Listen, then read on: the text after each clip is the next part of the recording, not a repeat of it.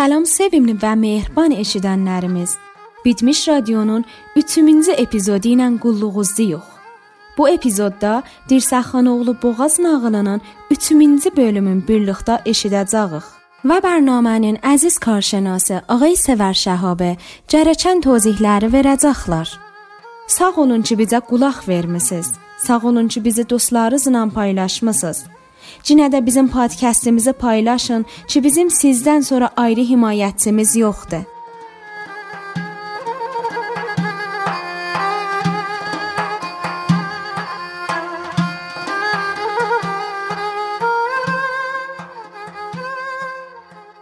Salam dəyərli eşidənlər, umudum var hər harda ki varsınız, keyfiniz saz, damağınız çağ olmuş ola. Həqiqi və məcazi dünyadan nəzərlərinizi və pişnahadlarınızı eşidirik.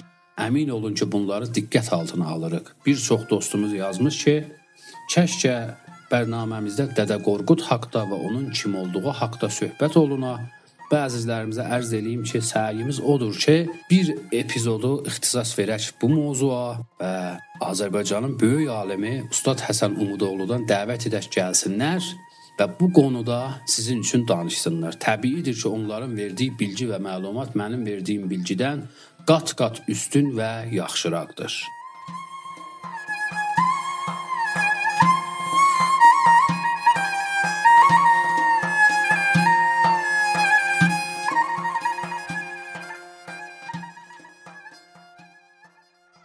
Və amma bugünkü qismətin xülasəsi. Bu günəcən oxuduq ki, Dirsəxan adında bir şəxsin uşağı olmayırdı. Nəzr Niyazla bir uşaq sahibi oldular. Oğlan böyüdü. 14-15 yaşına çatdı. Atası ilə bərabər bir qonaqlığa getdi. O qonaqlıqda bir hadisə əsərində məcbur oldu bir boğa ilə döyüşə. Boğanı yıxdı yerə başın kəsdi. Çağırdılar, dədəm Qorqud gəldi. Bu oğlanın adını Boğac qoydu, atasından onun üçün təxt istədi, bəylik istədi, at istədi, dəvə istədi, çadır istədi və dedi ki, bu oğlan ərdəmli və ləyaqətlidir və bu istədiklərimə layiqdir. İndi isə görək bu qismətdə Boğaçxanın başına nə işlər gələcək. Geçen günlerim hederdir Gelen gün ondan beterdir Gel bilek demin qədrini Su kimi akar giderdir Geleceksen bugün gel seveceksen Bugün sev kalacaksan Bugün kal benden bu ıstırabı al. Geleceksen bugün gel güleceksen Bugün gül kalacaksan Bugün kal. Sabahın faydası yoktur Sabahın faydası yoktur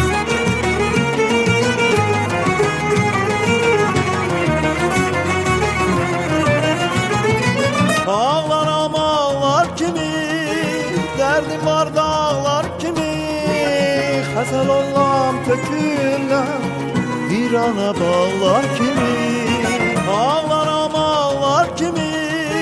Derdim var dağlar kimi?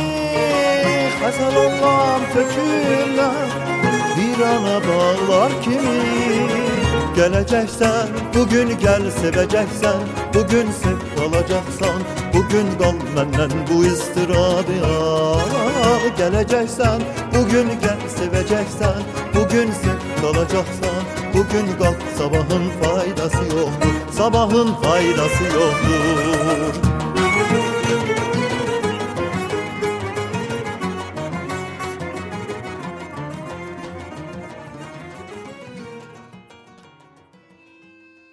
Yaxşı və amma mətnimizin ruhanısı.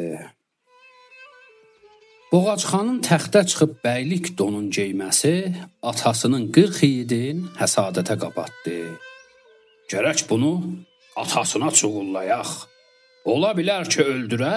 O ölərsə, yenə bizim izzətimiz, hörmətimiz çoxalacaq, deyə onlar himləşdilər. Sonra iki bölük olub bir bölücü dirsəxana yanaşıb on söylədilər. Bilirsənmi nələr olmuş? Yaramasın sənin oğlun. Gəncliyindən bar yeməsin.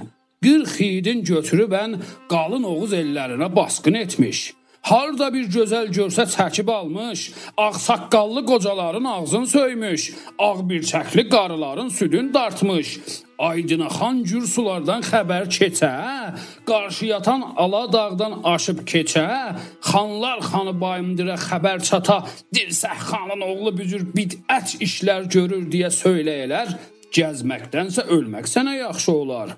Bayındır xan çağırıban qəzəb edə. Belə oğul sənin üçün nə gərəkdir? Olmağından olmamağı yaxşıraqdır. Öldürsənə. Gətiriniz öldürəlim. deyə dirsə buyurarkən 40 yiğidin son 20-si çıxa gəldi. Hey dirsə xan, sənin oğlun yerdən durdu. Köksü gözəl qabadoğa ava çıxdı. Sən var ikən av avladı, quş quşladı, Anası ilə məclis qurub söhbət edib badə içdi, anasına qəsd elədi. Yaramasın sənin oğlun. Qarşı yatan Aladağdan xəbər keçə, Aydın axan gür sulardan aşıb keçə, xanlar xanı bayındıra xəbər çata, Dirsəx xanın oğlu bücür bidət işlər görür deyə söyləyirlər. Çağırıban bayındır xan qəzəbinə tuş olasan. Belə oğul sənin üçün nə gərəkdir? Öldürsənəm deyə onlar söylədilər. Gedin tutub gətiriniz, öldürəlim. Bücür oğul mənim üçün gərəkməzdir, dedi dirsə. Biz oğlanı necə tutaq? O bizləri sayan deyil. Sözümüzə baxan deyil. Dur ayağa, 40 yiğidin boyuna al. Oğlunu da götürüb ən çıx ovlağa. Quş uçurdub ov ovlayıb, oğlancığı oxlayban geri qayıt. Onu bücür öldürməsən, başqa cür öldürülməz deyə onlar uydurdular.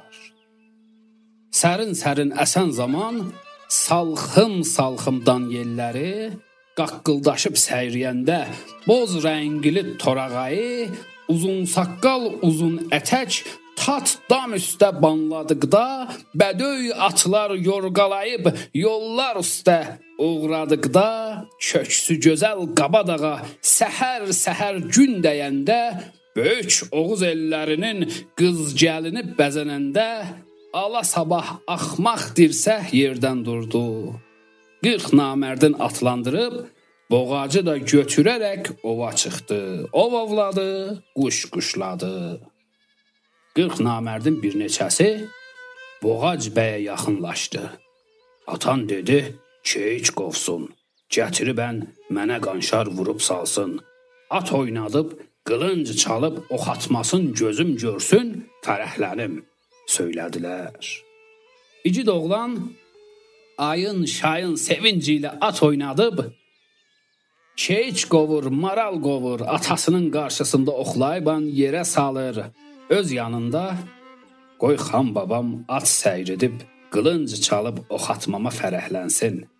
Mənə baxıb güvəni bən fəxr eyləsin deyə yazıq düşünürdü. Ol 40 namərd. Hey Gürsə xan, görürsənmi oğlan necə keyikləri tezikdirir? Hər tərəfdən qovur sənin qabağında yerə salır. Olmaya ki ceyranlara ox atarkən səni vura.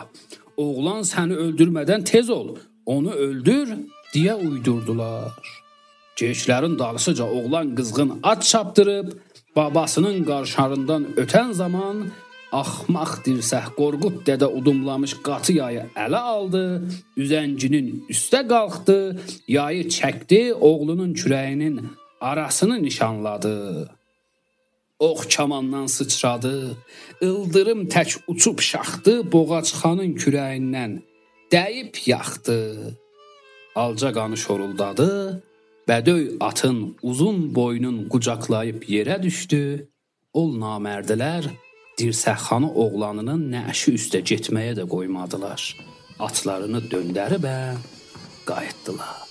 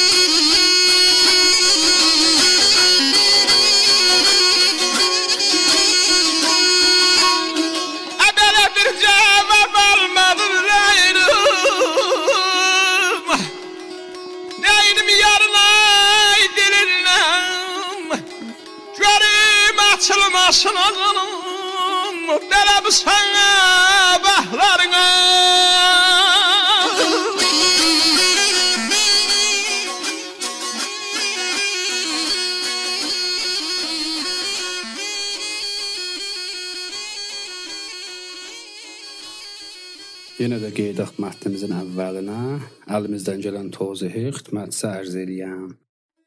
Boğaçxanın təxtə çıxıb bəylik donu geyməsi atasının 40 iyidin həsadətə qapatdı.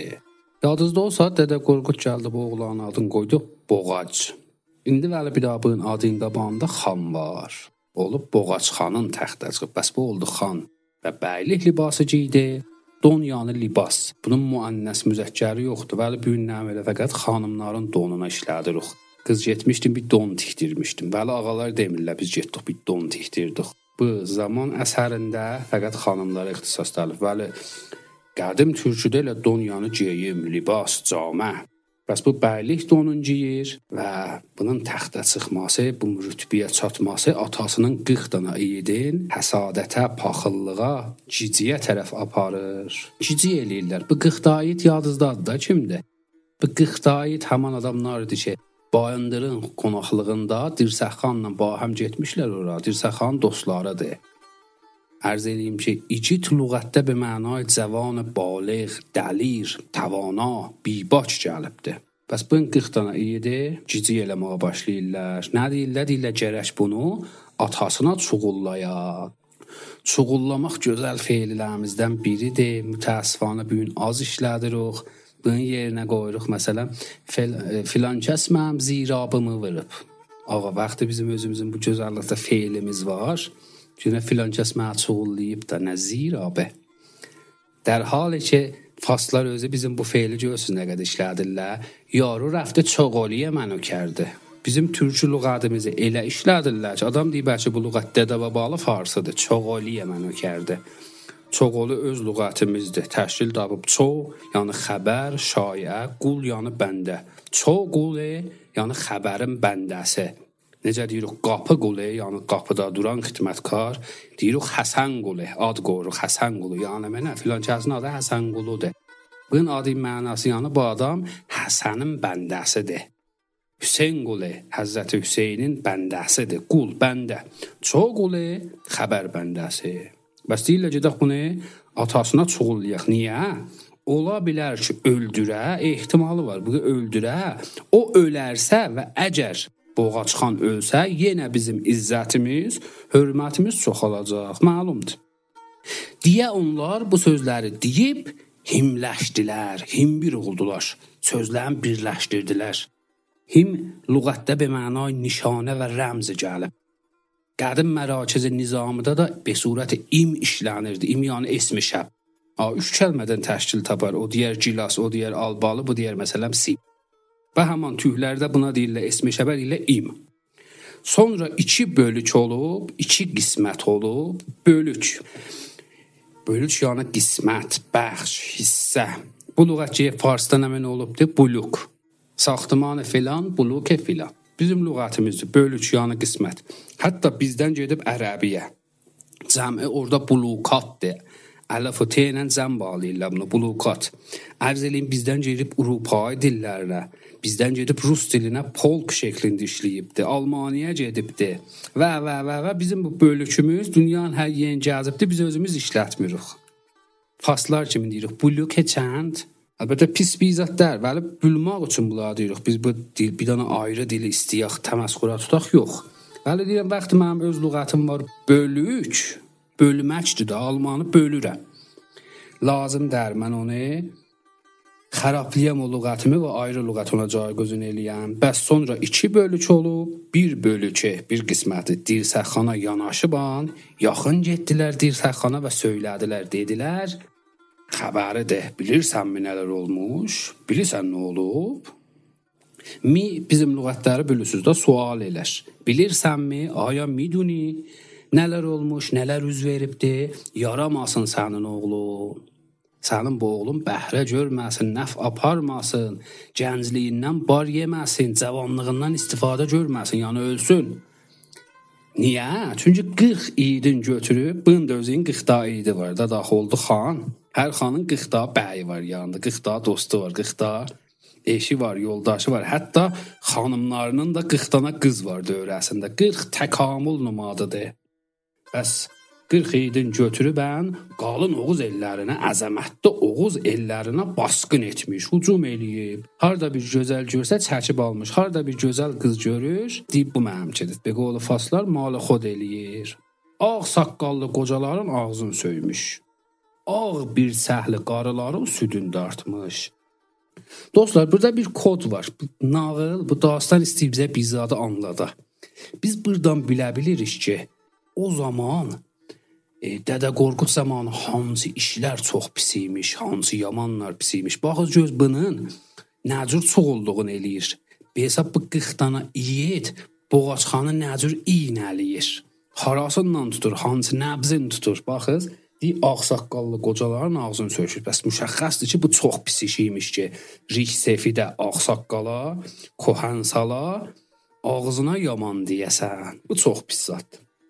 O zaman bu bir dənə qəbahət sayılırmış hətmən ki, bu, cürsünə başlayıb o çoğulluq. Ağ bir səhli qarıların, cisefid xanımların südün dartmış. Cisefid xanımların sütünə yaman deyibdi. Bəs bu da çox pis bir yad imiş. Amma mən eşitdiyimə görə bunu ustad Umudoğlu bir dəfə mənə deyir ki, türklərdə ya pis yaman, daşa yaman deməkdir. Ana birinin daşına, məntəqəsinin daşına yaman deyəsən ki, bir gün Günümüzdə bəzi adamlar işlədər kəndivin daşım filan filan eləyim. Bu tüylərdə çox pis yaman imiş. Çünki daş müqəddəs olub tüylərin yanında.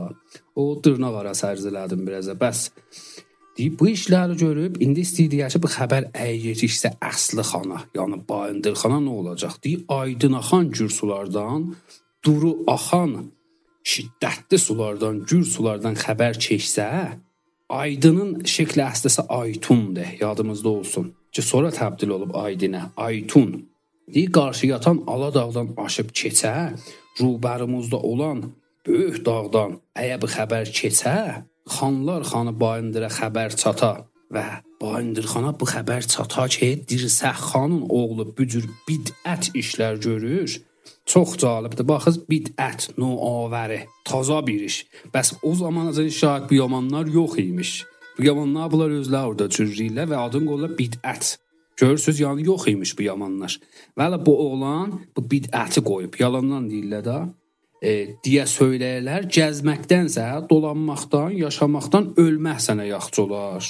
Kaş bu sözlər Bayındır xanın qulağına çatmaya. Amma sən öləsən, cinə yaxçıdır. Bayındır xan çağırıb onu qəzəb edəsə sonra hisslənə və deyə belə oğul sənin üçün nə gərəkdir, nə lazımdır olmağından olmamağı yaxşıdır. Bu olmasa bu oğlan olmağından çox yaxşıdır, behtərdir. Sonra deyirlər öldürsənə. Arzudur sənə, təmənnadır. Öldür da, öldürsənə.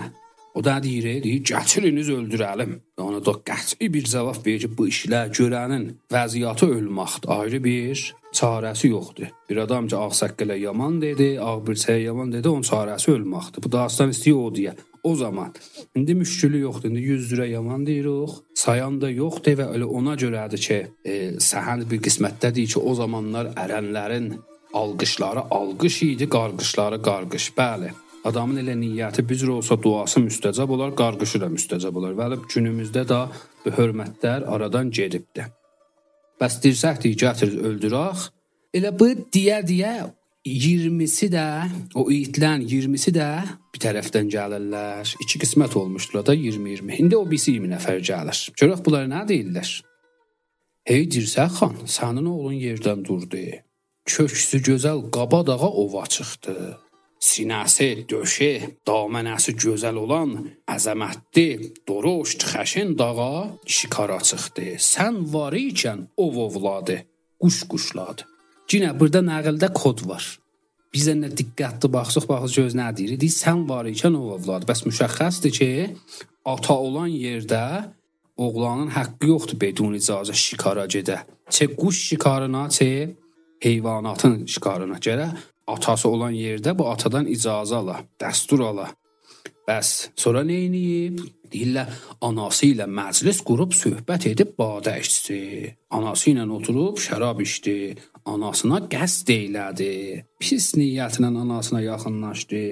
Yaramasın sənin oğlu, nəf görməsin, bəhrə aparmasın, qarşı yatan aladağdan xəbər keçə. Haman sözlər təkrar eləyirlər.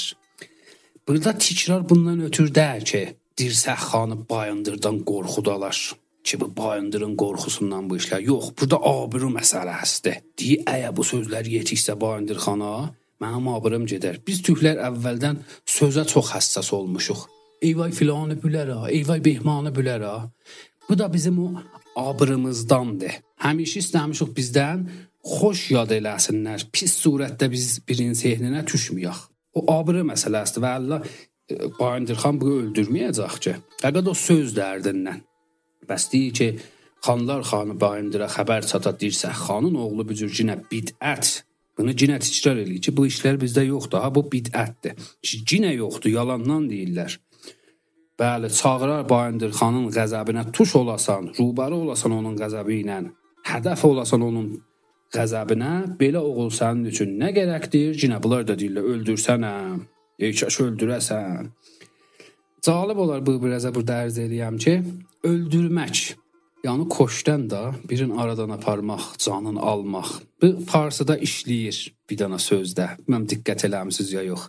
Vəsə mən oldurum, boldurum nəkon. Öz lüğətimizdir. Farsıda qalıbdı. Öldürürəm, bildirirəm mənə demə, ha? Bizim öldürürəm, bildirəmi Faslar öz ləhcələri ilə Cinə də işlədirlər, vəsə mən oldurum, boldurum mikərd.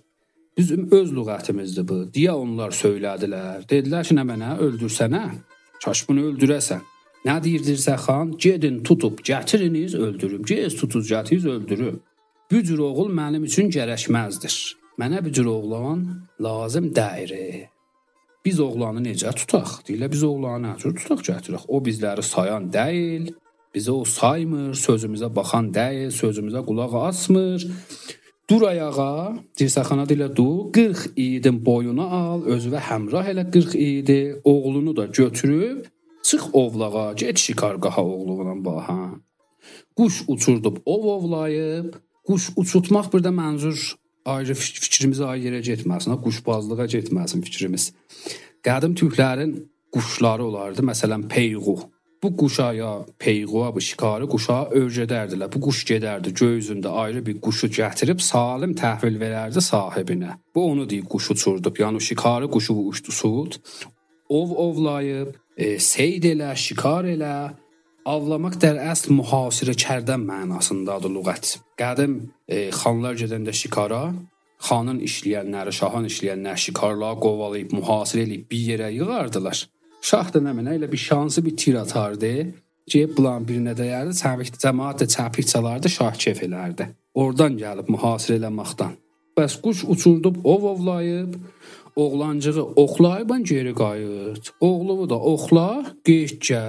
Onu bir cür öldürməsən, əgər o bu modeli öldürməsən, başqa cür öldürülməz, ayrı cür öldürmək olmaz. deyə onlar uydurdular, uydurmaq, fərib verdilər, sərədilər.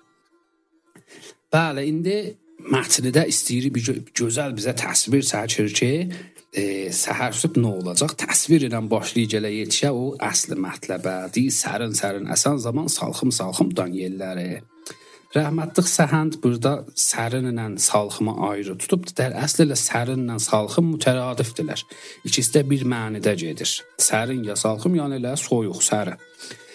Dan yelləri, səhər yelləri, qaqqıldaşıb səriyəndə boz rəngli torağayı, boz rəngli torağay qaqqıldayıb avaz oxuyanda torağayı çəkavək, boz rəng xakistər rəng, xakistər rəng çəkavək qaqqıldayıb avaz oxuyanda uzun saqqal, uzun ətək tat dam üstə banladıqda.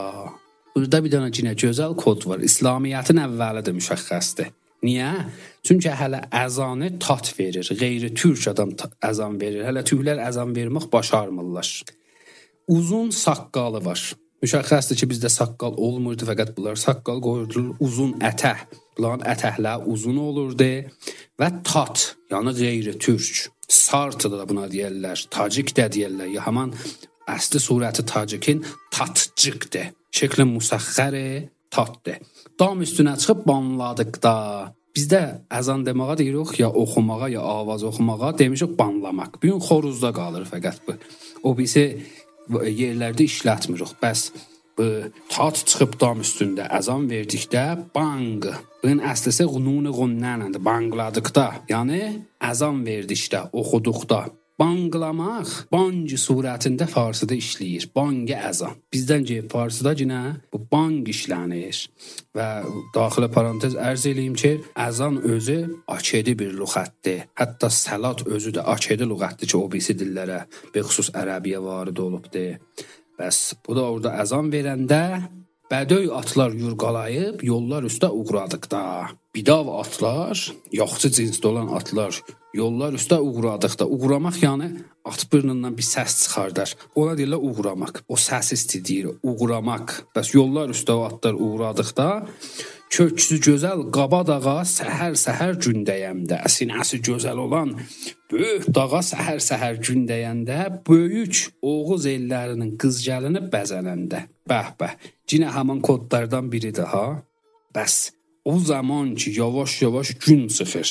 Tat əzan verir. Torağayı oxuyur. Bizim onda qızlarımız, gəlinlərimiz bəzənir. Baxız göz tüklər nə qəd gözəlliklərinə, behdaştlarına, arayışlarına əhəmiyyət verirmişlər.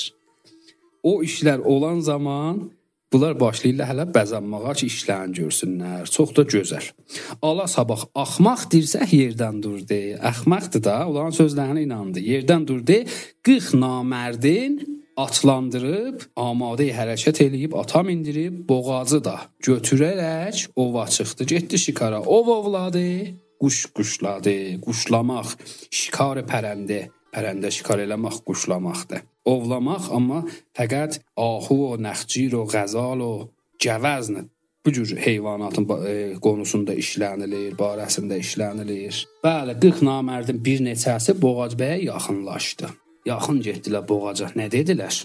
Atan dedi, "Cic qovsun, gətiribən mənə qanşar vurub salsın." Dedi, atan deyib ki, "Bu cəvəzniləri qovsun, gətirib mənim qanşarımda, mənim ruhbarımda, mühazimdə salsın yerə. At oynasın, qılınc çalsın, ox atmasın, gözüm görsün, fərəhlənim, sevinim deyim, bəh bəh, bizim oğlan görünə at oynadır, qılınc çalır, ox atır." Ona cür dedilər. İgid oğlan da ayın şayın rahat və asudə sevincinə at oynadır, geyik qovur, maral qovur, atasının qarşısında oxlayıb yerə salır. Öz yanında deyir ki, qoy xan babam at səyr edib qılınc çalıb ox atmama baxsın, fərəhlənsin, kef eləsin. At səyirtmək feili səyirtmək ya səcirtmək gəlib yəni əsb taxtdan. Yəni mənim at çatmama baxsın və qılınc çalmama baxsın, kef eləsin. Burada deyir qoy xan babam. Baba türkü lüğət deyir, farsı da deyir. Bu süryanı bir lüğətdir ki, dillərə varid olubdur. Bəbadır süryanı da şəkli əslısı. Bəs deyir qoy babam baxsın, kef eləsin. Ərz edin, mənə baxıb güvəni bən fəxr eləsin, mənə baxsın, mənə inansın, mənə itminan eləsin, razı olsun və fəxr furuş eləsin deyə yazıq düşünürdü. Bu şeylər fikirləşib və düşünürdü ki, öz təsəvvür eləyirdi ki, qoy kef eləsin. Hərəkət verirdi özündən, coğlan verirdi. Yazıq düşünürdü. Burada deyir yazıq. Biz yazığı bu gün məsələn bədbəxt, naçar, biçara adam mənasında işlədirik. Bəli, bunun əsli mənası yəni günah. Yazıq e, divanda da gəlib yəni günah. Hətta bir məsəl var ki, di igid yazıqsız bulmaz. Di cavan adam bedunu günah olmaz. Bəli, ol 40 namərd, o 40 dana namərd belə deyim xidmətçilər ki, nabəlavə mərddir da. Mərd cinə Süryanı bir lüğətdə varid olub dillərə. Bəs bəbana mərd Süryanıdır, yadımızda olsun. O 40 namərd, nakişi deyirlər ki, hey Dirsəxan, görürsənmi? Oğlan necə geyikləri tezikdirir? Görürsən, cəvəzniləri oğlan nə ülküdür, qorxudur, həmlə eləyir cəvəznilərə. Hər tərəfdən qovur, sənin qabağında yerə salır. Hər tərəfdən qovur, gətir düz sənin qabağında yerə salır. Olmaya ki, ceyranlara ox atarkən səni vura. olmaya birdən istəyə ceyranlara oxa da o ceyranı vurmağa bəhanə eləyə və oxu sənə tərəf olsa. Oğlan səni öldürmədən qəbl əzin ki, oğlan səni öldürə tez ol. Onu öldür deyə uydurdular. Bu sözlər deyə deyə fərq verdilər. Ərz eləyim ki, türküdə bir məsəl var. Deyirlər ki, dovşana deyi qaç, tülküyə deyi tut. Bunlar da bir tərəfdən oğlana deyirlər get atavın qabağında vur sal yerə. Bir tərəfdən atıya deyirlər görsən gəti sənin qabağında salır yerə, birdən sağ vurara, nəxşə qururlar da. Bəli, oğlan neynir? Oğlan keşlərin dalısıcan. Oğlan qızğın at çapdırır, por hərarət at çapdırır, babasının qanşarından ötən zaman vaxtı atasının qanşarından qabağından keçir. Axmaq dirsə Qurqud dədə udumlamış qatı yayı ələ aldı. Əhməq dirsə o kəmani ki Qurqud dədə onu mütəbərrik eləyib, xoşyum eləyib, ona nəfəsin veribdi, o əlinə aldı. Yay demişdik bunu, yəni kəman. Qatı yanı möhkəm kaman. Qatı yayı möhkəm kamanı ələ aldı. Bəli bu yay nə olubdu? Apapla Dədə Qorqud buna öz dilimiz dua oxuyub, verdi oxuyubdu. Bu e, yay məmulu yay dər, məmulu kaman dər. Üzəncinin üstə qalxdı, atının rikabinin üstünə qalxdı. Rikab e, biz buna demişik üzənci, çanaq, dəpəncu və neçə də adı ayrı adı vardı rikabın türküdə. Bəs çıxır üzəncinin üstə, yayı çəkdi, kamanı çəkdi, oğlanının kürəyinin arasını nişanladı. Əsatirdə qəhrəmanlar iki yerdən əksərən vurarlar. Ya alnından vurarlar, alnının vəsətindən ya kürəyindən. Bu da isti nişan verər ki, bu da qəhrəmandır burada. Bəs Boğaz bir dana burada qəhrəmandır ki, kürəyindən, dalıdan vururlar bunu. Boğaz xanın kürəyinin vəsətini nişan alır və düz vurur oradan dəyib yaxdı, yandırdı, girdi çaya yaxdı, dağıtdı yazığı. Alca qanı, qırmızı qanı şoruldadı, şoruldamaq ekoik bir ad feilidir. Yəni səsinə görə cürriblə bu şoruldadı. Şur-şur eləməkdən. Bədöy atın, bidav atın, qəvi atın, cinsə atın, nijadə atın uzun boynunu qucaqlayıb yerə düşdü. Ol namərdlər, ol həman gün o deyirik da, lamı həsf eləmişik. Baxsız Füzulinin qəzəlləri hamısında elə ol var. Ol yəni o. Ol namərdlər, o nakişilər dirsəxanə oğlanına nəşi üstə getməyə də qoymadılar. Qoymadılar getsin oğlun ölüsün də görsün. Nəş ərəbi lüğətdir. Biz nəşə demişik cəmdək, cəndək, cəmdək. Nınamı paralel yerin dəyişər. Bəs qoymadılar getsin oğlun ölüsün də görsün, atlarını döndərib, atların dalı qabaq eləyib öz dilimiz qayıtdılar, çıxıb gəldilər. Bu günümüzün dastanını Burada saxlayırıq. İnşallah gələn qismətdə idamə verərik. Çox sağ olun ki, məni dinlədiniz. Təşəkkür edirəm. Ey açıb zülfünü tel-tel dağdan hər yana.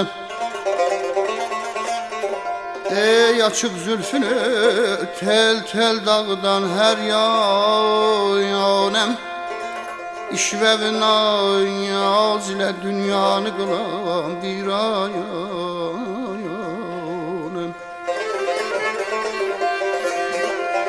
Bu lətafət, bu məlahətlə bir insan olmaz. Bu lətafət Bu lətafət, bu məlahətlə bir insan olmaz. Kimdir ol, kimsə səni təşviq qılır insan Rəng rüxsarın edib Gönçe gülün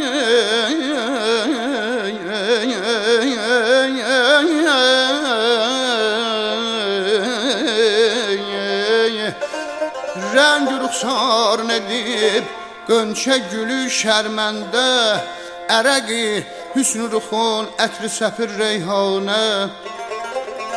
Lalələr sinəsinə dağ çəkibdir çeşmün Əyri-əyri baxışın benzer var ceyran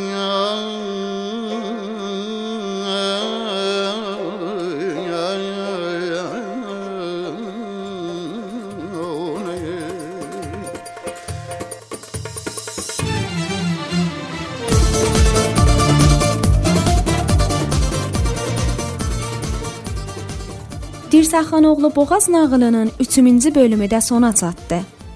Sağ olun ki, bizimlə yol bir oldunuz. Bizim irtibat yollarımızı bilirsiniz. Nəzərlərinizi bizimlə Telegram, Instagram ya saytımızın tərəqi ilə arada qoyun ki, biz siz istədiyiniz kimi qulluğunuzda olaq. Artıq itilat üçün saytımıza ya Instagram peycimizə həttəmən baş vurun.